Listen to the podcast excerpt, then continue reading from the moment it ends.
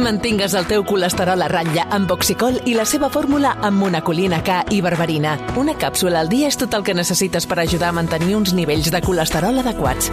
Oxicol, perquè cada batec compta. I recorda, troba-la a la teva farmàcia. Havia de ser de Kern Pharma.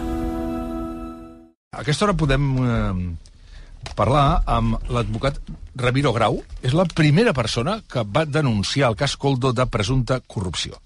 Ramiro Grau, buen día, buenos días y muchas gracias. Hola, buenos días a ustedes. Eh, ahora, ahora, entramos en materia, pero antes, para situar a la gente, ¿eh? porque Sí. seguramente que mucha gente no lo conoce. ¿Quién es Ramiro Grau? Bueno, soy un abogado de Zaragoza, ahora ya jubilado, y me he dedicado toda la vida al mundo del derecho, tanto como profesor de la Universidad de Zaragoza, como fiscal sustituto, juez sustituto, secretario judicial sustituto, es decir, interino, y eh, después abogado. Y escribo mucho. Tengo el defecto de escribir mucho artículos en diarios digitales y uno de mis artículos fue el que me ocasionó esta investigación. Porque cuando empezó el asunto de las mascarillas, escribí un artículo diciendo que esto había que investigarlo y automáticamente me llovieron tres demandas. A ver, un momento. Uh, ¿Se acuerda del día del día que publicó ese, ese, ese Bueno, escrito? está en la red el artículo, yo creo que es del 30 de abril del 2020 o algo así. 30 de abril del 2020. Sí, Ah, si usted pone en internet o quien le interese, Sí, chanchullos del dinero público, sí. Ábalos y José Ángel Escorial, la extraña pareja. Vale. diciendo que era rarísimo que un ministerio acudiera a una empresa de Zaragoza a la que no conocíamos ni en Zaragoza. Mira, a veure, si em permet, el vaig a llegir, diu, el llegir el tros que, ja, que jo tinc aquí, que diu, um, como eh, no hay dos sin tres, hoy voy a hablar de los extraños negocios de José Luis. José Luis es Ábalos, ¿eh? Una de las personas más prepotentes e incompetentes del actual gobierno. El desgobierno y mal gobierno hizo caso omiso a las indicaciones de la OMS en el sentido de que había que hacer acopio de mascarillas, respiradores, etcétera, ante la epidemia del coronavirus y cuando esta se presentó a primeros de 2020 nos cogió, literalmente escribe usted, bragas. Ábalos sirve igual para un roto que para un descosido, aunque en mi opinión no sirve para nada. Y localizó un broker en Hong Kong que está a solamente 10.531 kilómetros de Madrid. Por lo visto no había intermediarios más cercanos. Ese broker, según la prensa, le puso en contacto con, y entre exclamaciones, una empresa de Zaragoza, a solo 313 kilómetros de Madrid, que era otro mero intermediario, quien tramitó el pedido cobrando un montón de millones de euros, cuantías que voy a investigar por medio de la ley de transparencia. Habla de un comisionista de Aragón, que se llama José Ángel Escorial Senante, que es el administrador de la firma Soluciones de Gestión y Apoyo a Empresas, con sede en Zaragoza, que es la que ahora está apareciendo en todas las informaciones. Esta empresa no tenía actividad desde el año 2017 y la investigó en 2017 por fraude fiscal. Eh, habla de que este señor Escorial en el año 2008 era administrador de Delta Advisory and Management Services Limited y de Ars Investment Consulting Limited, así como de Malta Capital, y que creó varias empresas opacas, con paraíso fiscal en la isla de Malta. Sigue y acaba diciendo con un par. Confío y espero que la Fiscalía, que no solo está para, perseguir a los Roma gallinas, investigue debidamente los hechos, pues mucho me temo que aquí hay mucho que investigar y depurar presuntas responsabilidades criminales en su caso y en su día. Este es el artículo que usted a grandes mm, rasgos escribió, a grandes trazos. Efectivamente. Ah, ah, què va descobrir exactament vostè?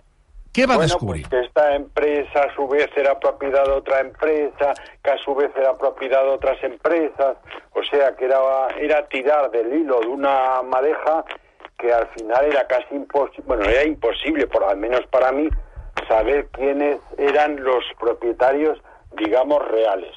Que esta empresa no había tenido ninguna actividad, no había facturado nada, absolutamente nada, en el año 2019 que esta empresa tenía unas deudas económicas de un millón y pico de euros, a pesar de que solo tenía un capital social de 156.000 euros. Por lo tanto, estaba en causa legal de disolución. Cuando una empresa debe más del capital social que tiene, pues solo hay dos posibilidades, o disolverla o aumentar el capital social. Bueno, era todo extrañísimo.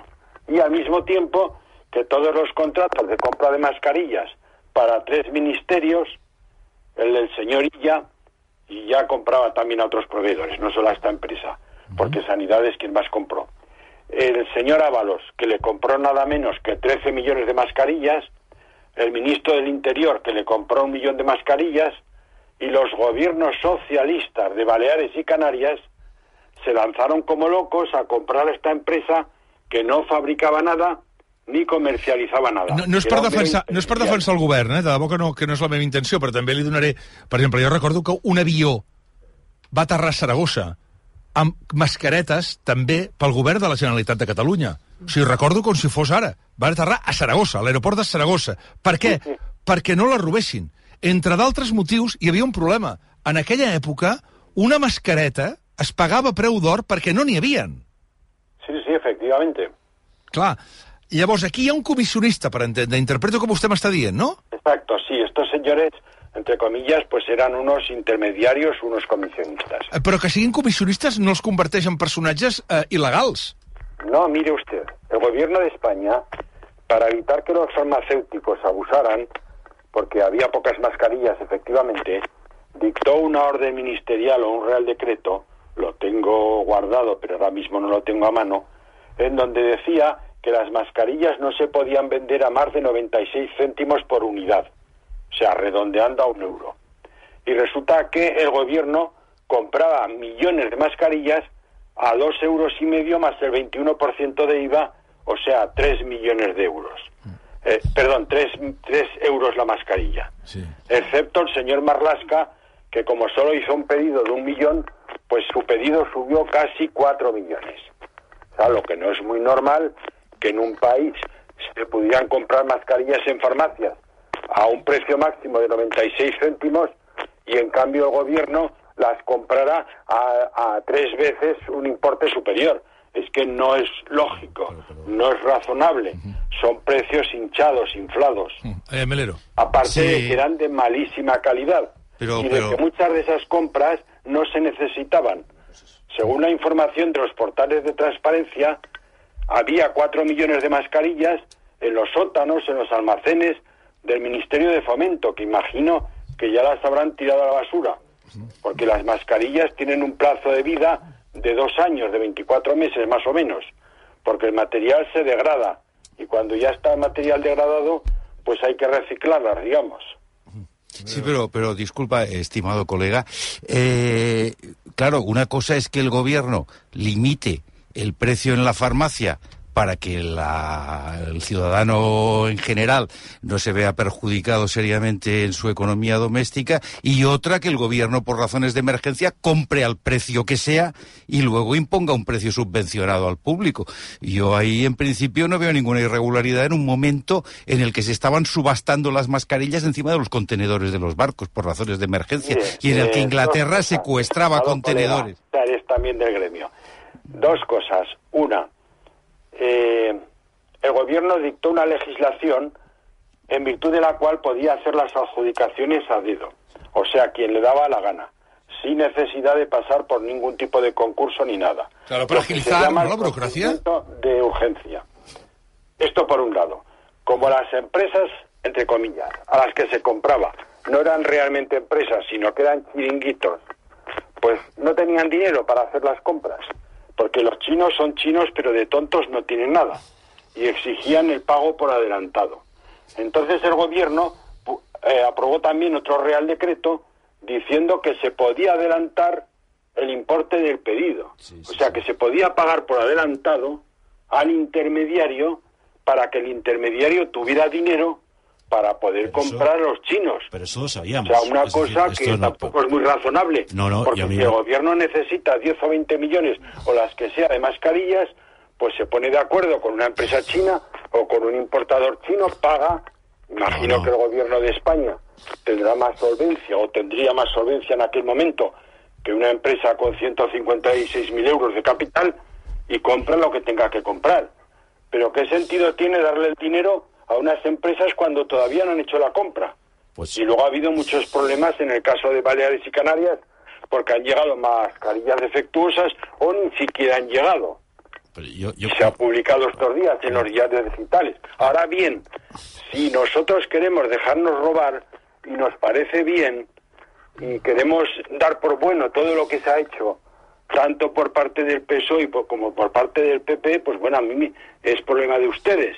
No, pero es Yo desde no. luego como ciudadano y como contribuyente exijo que los recursos públicos que son limitados y escasos se administren con probidad, con honradez. No, Es que- no pero en pero plan creo de- una- una de cosa, tirarlos a la basura. Pero yo creo que son dos cosas diferentes. ¿eh? Una cosa es, evidentemente, perseguir el enriquecimiento pers- personal de servidores públicos que se hayan podido beneficiar de esa situación ilegalmente. Eso es un elemento. Y otro es otro elemento que es conocido por todos y aceptado, yo creo, por una mayoría, que es, estábamos en una situación de pandemia mundial, no era una situación No, no, normal. si eso lo sabemos Lo sabemos todos. Y como sabemos eso, también sabemos que en ese momento era un momento de piratería mundial en relación a los recursos médicos. Es decir, que yo me acuerdo perfectamente, un, un avión comprado, no me acuerdo si por Francia, lleno de mascarillas, vino el gobierno de Estados Unidos con un maletín, con un maletín, no vino, con una, vino con un maletín y compró el avión y se lo llevó. Eso es lo que estaba pasando. Y en ese Ah, sí, momento... eso, y eso lo sabemos Sí, por eso, por, eso, por, eso en ese momento, por eso en ese momento se establece una situación extraordinaria para poder actuar rápidamente, incluso pagar precios que son exorbitados, porque si no los pagas no hay mascarillas y muere gente. lo permite. ¿Eh? ¿Cómo es posible que se haya abierto un procedimiento penal sobre este asunto? Saber- Algo habrá, ¿no? No, sí, pero se ha abierto- abierto un procedimiento penal sobre el enriquecimiento de una persona habrá, ¿no? ilegal. No, pero vamos a ver. A ver, Pero no podemos hablar así. penales en España tampoco es que sea tan No, complicado. pero es que aparte es que el ¿no? procedimiento penal no se ha abierto sobre eso, se ha abierto sobre si hay una Un comisión de un servidor público que no tenía que cobrar. Eso es lo que se ha Mire, yo abierto. no sé si ustedes han visto la querella de la Fiscalía Especial contra la Corrupción y la Delincuencia Organizada, que la tengo encima de la mesa y que tiene 26 páginas de letra menuda, que voy a necesitar una lupa para leerla, pues ha hecho una gran investigación por parte de la Unidad Central Operativa de la Guardia Civil y se ha visto todas un montón de cosas raras, lo que se denomina indicios racionales de criminalidad, con independencia de que luego esto vaya a juicio, no vaya a juicio, sean absueltos, sean condenados. O sea, yo creo en el Estado de Derecho, pues porque para eso soy jurista. La querella se formula, le estoy leyendo literalmente, por los delitos de organización criminal. La organización criminal es cuando son varias personas que se conciertan para cometer delitos. Por los delitos de organización criminal, blanqueo de capitales, cohecho y tráfico de influencias. ¿Eh? O sea que estamos hablando de varios delitos que son los mismos delitos que yo eh, puse en los escritos y en la documentación que envié a la Fiscalía Especial contra la Corrupción y la Criminalidad Organizada. Porque previamente la Fiscalía Provincial de Zaragoza lo archivó rápidamente, no hicieron absolutamente nada. Em, El, el Supremo, creo que fue usted al Supremo también, ¿no? Efectivamente, eso fue en el 2020, lo de la Fiscalía. Provincial. En el 2021 acudí al Tribunal Supremo. El Tribunal Supremo se tomó su tiempo, yo comprendo que tienen muchísimo trabajo, la Sala Segunda de lo Penal. Acudí al Supremo porque el señor Avalos era aforado, al ser ministro y diputado, solo le podía, digamos, investigar el Tribunal Supremo, el aforamiento que se llama. Y dictaron un auto diciendo que como había una legislación especial que permitía que el gobierno hiciera, digamos, lo que le diera la gana, o sea, que pudiera actuar con discrecionalidad o con arbitrariedad o como le quieran llamar, para darle los contratos a quien quisiera, no había que pasar por ningún concurso ni nada, pues bueno, pues que no veían delito en la actuación del señor Avalos. Pero ponían un apartado en ese auto diciendo que sí que se podía investigar a todos los demás aforados. Perdón, aforados, a todos los demás denunciados. Es decir, los que no eran aforados. Pero que como eso ya no era problema del Tribunal Supremo, sino de un juzgado ordinario, pues problema mío. No hicieron nada. Hubieran podido enviar la denuncia a un juzgado, que hubiera sido lógico. Bueno, pues entonces presenté otro escrito al Supremo diciéndoles envíenla a ustedes a- a- al juzgado que les parezca competente. La Audiencia Nacional, los juzgados de Zaragoza, los juzgados de Madrid. Yo entendía que era la Audiencia Nacional, al ser una trama organizada por diversas provincias de España. Y me contestó el Tribunal Supremo diciendo que no iban a hacer absolutamente nada, que era problema mío. O sea, yo vi un, pasotismo, entre comillas. Claro, en aquel momento con todo respeto hacia el Tribunal Supremo. Pero vamos, yo puedo opinar sobre las resoluciones judiciales, igual que ustedes. Claro, el señor Avalos era el, el nombre todopoderoso. La mano derecha de Pedro Sánchez era el gobierno, era el número dos o tres del PSOE, porque nunca he sabido si es el dos o el tres. En teoría el tres porque hay un presidente, una presidenta. Pero vamos, el presidente es un cargo honorífico. Y en realidad los que mandan son el secretario general y el secretario de organización. Bueno, entonces cogí y lo denuncié ante la Fiscalía Especial contra la Corrupción, que abrió diligencias, me, me contestaron acusando recibo y tal, y son los que han llevado este asunto adelante, a Dios gracias. Con lo cual para mí estos días son satisfactorios en cuanto a que veo que el Estado de Derecho, eh, digamos, se está abriendo camino en este asunto. Por supuesto, respetando la presunción de inocencia. Y yo no quiero señalar a nadie con el dedo, eso lo dirán los tribunales. Pero creo que estos temas hay que investigarlos. Igual que hay unos comisionistas de mascarillas que vendieron, creo recordar, que al Ayuntamiento de Madrid, que se van a sentar en el banquillo y para los que se pide un montón de años de prisión, pues yo creo que este caso también hay que investigarlos. Es que da igual que sean de un partido o de otro. El que la haga, que la pague. Molt bé, eh, Ramiro Grau, moltes gràcies eh, per haver-nos acompanyat avui al. Muchas gracias a ustedes. Que vagi bé, bon dia. A- a- Adiós, buenos días. Adiós. Adiós.